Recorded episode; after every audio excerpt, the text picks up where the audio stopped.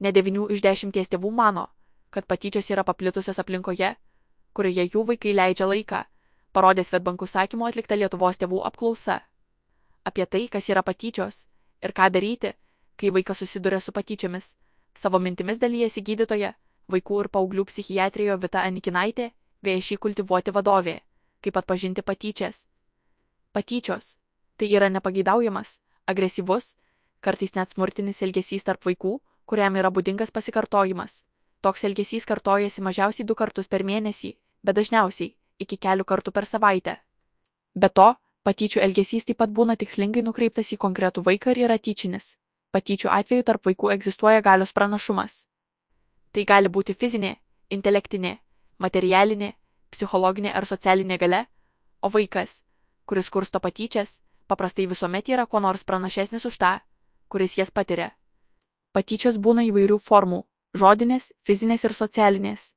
Tai ir užgauliojimai, prasivardžiavimas, įžeidinėjimas, keiksmažodžiai ir pastumdymai, spardymai, mušimas, tampimas už plaukų ir taip toliau patyčios gali įgyti ir subtilės socialinės formas - ignoravimą, mobbingą.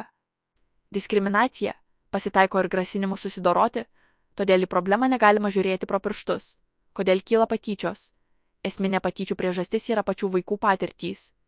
Dažnai iš kitų vaikų tyčiojasi tie, kurie patys yra patyrę ar netgi šiuo metu patiria patyčias. Tarp priežasčių taip pat minimas smurtas artimoje aplinkoje, apleistumas, socialinė atskirtis, psichologinės traumos, netektys, skirybos.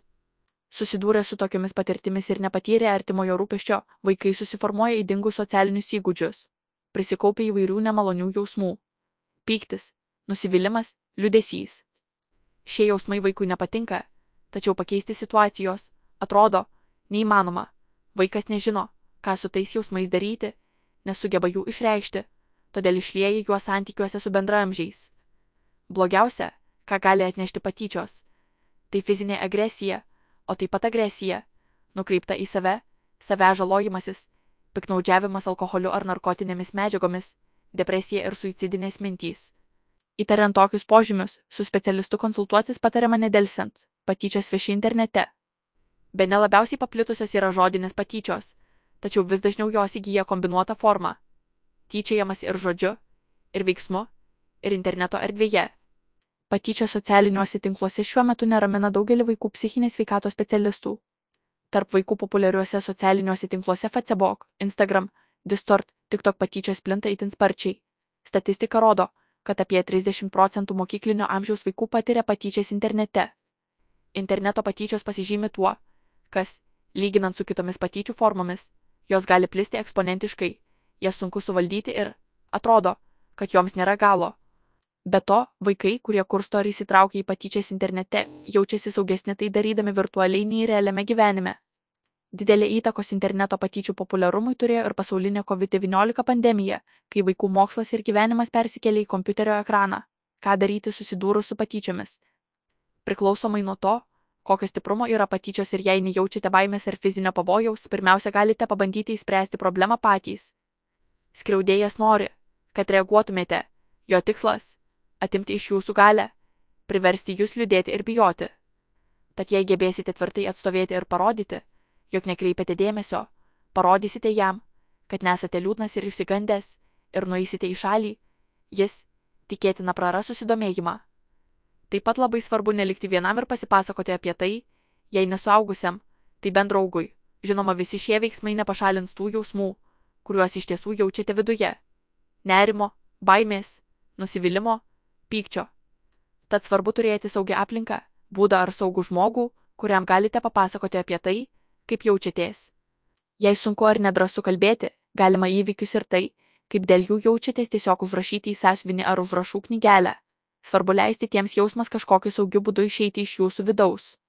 Jei patyčios nesiliauja ilgą laiką arba jums grėsia fizinis pavojus, nedelsdami pasikalbėkite su patikimu suaugusiuoju, tėvais, globėjais, mokytoju ar mokyklos psichologu socialiniu darbuotoju.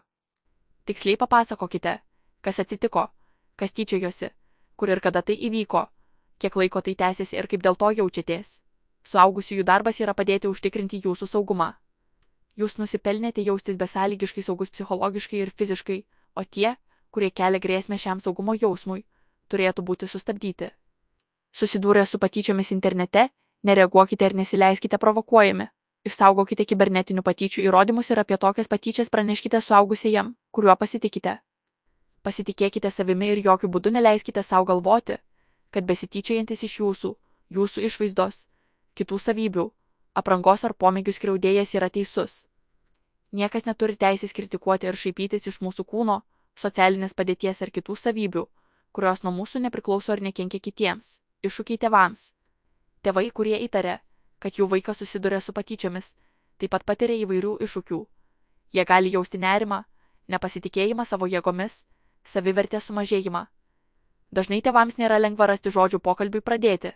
Jie gali nerimauti dėl to, ką sužinos, dėl to, kad bus atstumti, dėl to, kad nežinos, kaip savo vaikui padėti. Egzistuoja gėda dėl galimos aplinkinių reakcijos, mokyklos ar tėvų bendruomenės. Dar daugiau baimių gali patirti tie tėvai, kurių atžalos kursto patyčios, nes tuomet toks vaikas yra laikomas blogai išauklėtu, o jo tėvai vertinami, kaip nemokantys auklėti. Iškyla stigmatizavimo grėsmė, kuris stiprėja, jei palaikymo ar pagalbos nesulaukiama iš bendruomenės. Todėl vaikų ir paauglių gydytoja rekomenduoja drąsiai eiti ir kalbėti apie patyčią su specialistais, diskutuoti ir ieškoti sprendimų. Mokyklos yra įstatymų įpareigotos spręsti patyčių problemą, todėl turi tam įrankių, specialistų ir žinių. Ką daryti, jeigu Jūsų vaikas susiduria su patyčiomis. Jei įtarėme, kad vaikas patiria patyčias, visų pirma, svarbu nebijoti apie tai kalbėti. Vaikui gali būti sunku prabilti ir pasipasakoti apie tai, ką jis patiria ar išgyvena.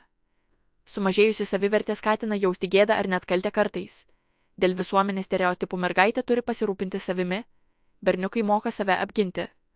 Niekam nemalonu kalbėti apie skaudžius dalykus, todėl svarbu, kad patyčios nebūtų dramblių kambaryje, kurį visi mato, bet niekas nesako.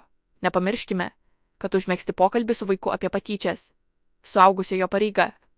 Sukurkite tam saugią aplinką, kalbėkite su vaiku, stenkite suprasti jo būseną ir kartu ieškokite sprendimų. Pokalbių eigoje aptarkite su vaiku planą, ką darysite spręsdami patyčių situaciją. Svarbu nežeminti, nekeikti ir kitaip neužgaulioti tų, kurie tyčiojasi, tačiau imtis iniciatyvos ir spręsti patyčių problemą bendradarbiaujant su mokykla, specialistais, tėvais. Jūsų vaikas tapo patyčių kurstytoju. Tėvai ar globėjai dažnai jaučiasi bejėgiai, kai jų atžalos tyčiojasi iš kitų vaikų, juos užgaulioja ar smurtauja. Bejėgystės jausmą lydi kaltė, kad galbūt kažkas laiku nebuvo padaryta, ypatingai, jei bendruomenė nusiteikė prieš vaiką ar jo tėvus. Rekomenduotina drąsiai kreiptis pagalbos į specialistus. Pedagogai ir psichologai tam ir yra, kad padėtų jums suprasti vaiką, o vaikui įveikti kylančius sunkumus. Ypatingai svarbu išlaikyti ramybę ir nepulti kaltinti vaiko. Bausmė nepadeda, todėl patartina su smalsumu artintis prie vaiko, mėgsti ryšį ir išsiaiškinti, kokius sunkumus jis patiria. Kartais vaikui užtenka paaiškinti, kad jo demonstruojamas elgesys yra vadinamas patyčiomis, o jos - netoleruotinos, nei namuose, nei mokykloje, nei burelėje. Jūsų vaikas mėgsta stebėti patyčias ir dalyvauti juose pasyviai. Daugeliu vaikų, kurie mėgsta stebėti patyčias, nors į jas ir neįsitraukia, Neretai taip pat būna nepatogu, gėda ar netgi baisu stebėti vykstančias patyčias iš šono. Dėl amžiaus ar raidos skirtumų ne visi vaikai moka atpažinti patyčias, tačiau akivaizdžiai smurtinis elgesys su vaiku jiems atrodo nepriimtinas. Todėl svarbu vaikus edukuoti, kalbėti apie patyčias, kodėl jos yra blogis, o taip pat, ką tokiu atveju daryti. Drąsinkite vaikus apie patyčias pranešti suaugusiems, neįsitraukti į jas, nepalaikyti kurstytojų ir būti draugiškam su vaiku kurio atžvilgiu vyksta patyčios. Svetbank siekia prisidėti prie visuomenėje aktualių problemų sprendimo, todėl gyvybės draudimu savo vaikus apdraudė ar saugus vaiko fondas. Draudimo sutartį sudarę tėvai turi galimybę gauti nemokamą pagalbą patyčių atveju. Vaikui susidūrus su patyčiomis, tėvai gali registruoti šį atvejį ir pasinaudoti iki 12 nemokamų psichologo konsultacijų per vienus metus, kurias padengs Svetbank. Pagalbos patyčių atveju paslaugą Lietuvoje teikia fondas Fondsplės pasitelkdamas viešiai kultivuoti ir fondo atrinktus psichologus.